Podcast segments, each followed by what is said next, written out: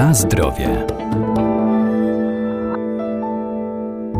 Artykuły spożywcze dostępne w handlu muszą być odpowiednio oznakowane, dlatego warto czytać etykiety na opakowaniu, by mieć świadomość tego, co spożywamy. Obowiązkowo muszą być tam wyszczególnione wszystkie składniki, które zostały użyte w produkcji, w tym alergeny, które dany produkt może zawierać. Muszą być one także odpowiednio wyeksponowane.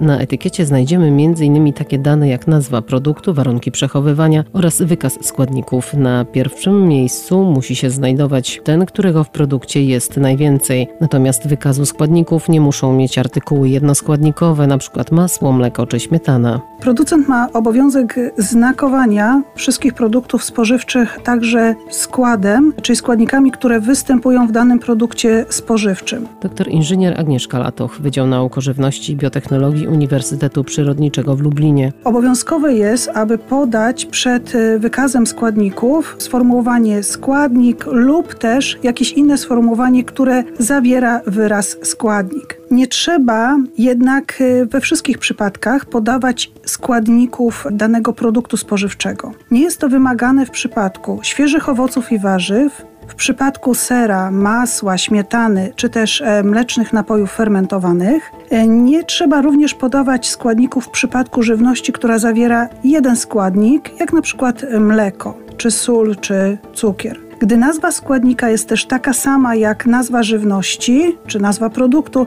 również nie trzeba podawać e, wykazu składników. Natomiast składniki podaje się w kolejności ich ilościowego występowania.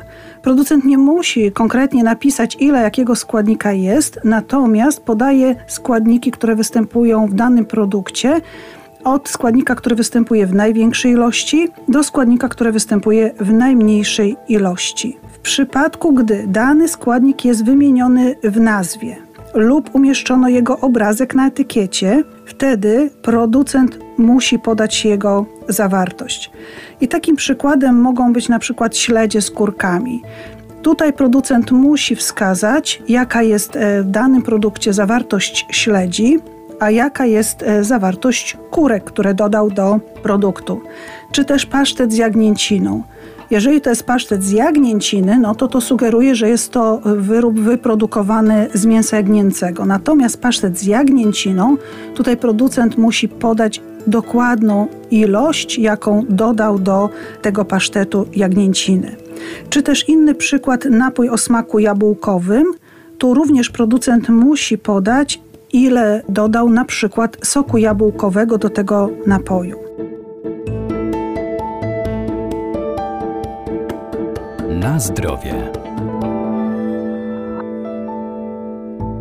Na etykiecie znajdziemy też wykaz alergenów, które nie są wskazane dla osób uczulonych na pewne składniki diety czy z nietolerancją żywieniową. Muszą się one w sposób szczególny wyróżniać od pozostałych informacji, np. zapisane inną czcionką czy kolorem tła. Możemy też spotkać informacje o śladowych ilościach substancji alergennych, choć powszechnie wiadomo, że nie są one wykorzystywane w procesie technologicznym danego produktu. Bardzo istotną kwestią w przypadku znakowania składem surowcowym e, jest wyróżnienie wyróżnianie składników alergennych lub tych, które powodują reakcję nietolerancji. W rozporządzeniu unijnym e, jest ich wymienionych 14. Między innymi są to zboża zawierające gluten, skorupiaki, jaja, orzeszki ziemne, soja, mleko, orzechy, seler, gorczyca, sezam i tym podobne. I jeżeli którykolwiek z tych produktów występuje e, w żywności, producent e, musi oznakować e, ten składnik w jakiś bardzo wyróżniający się sposób. Może to być na przykład pogrubiona czcionka, wyróżniona kolorem, czy też podkreśleniem. Jest to bardzo istotne, szczególnie dla osób, które cierpią na jakąś nietolerancję pokarmową, czy też są alergikami.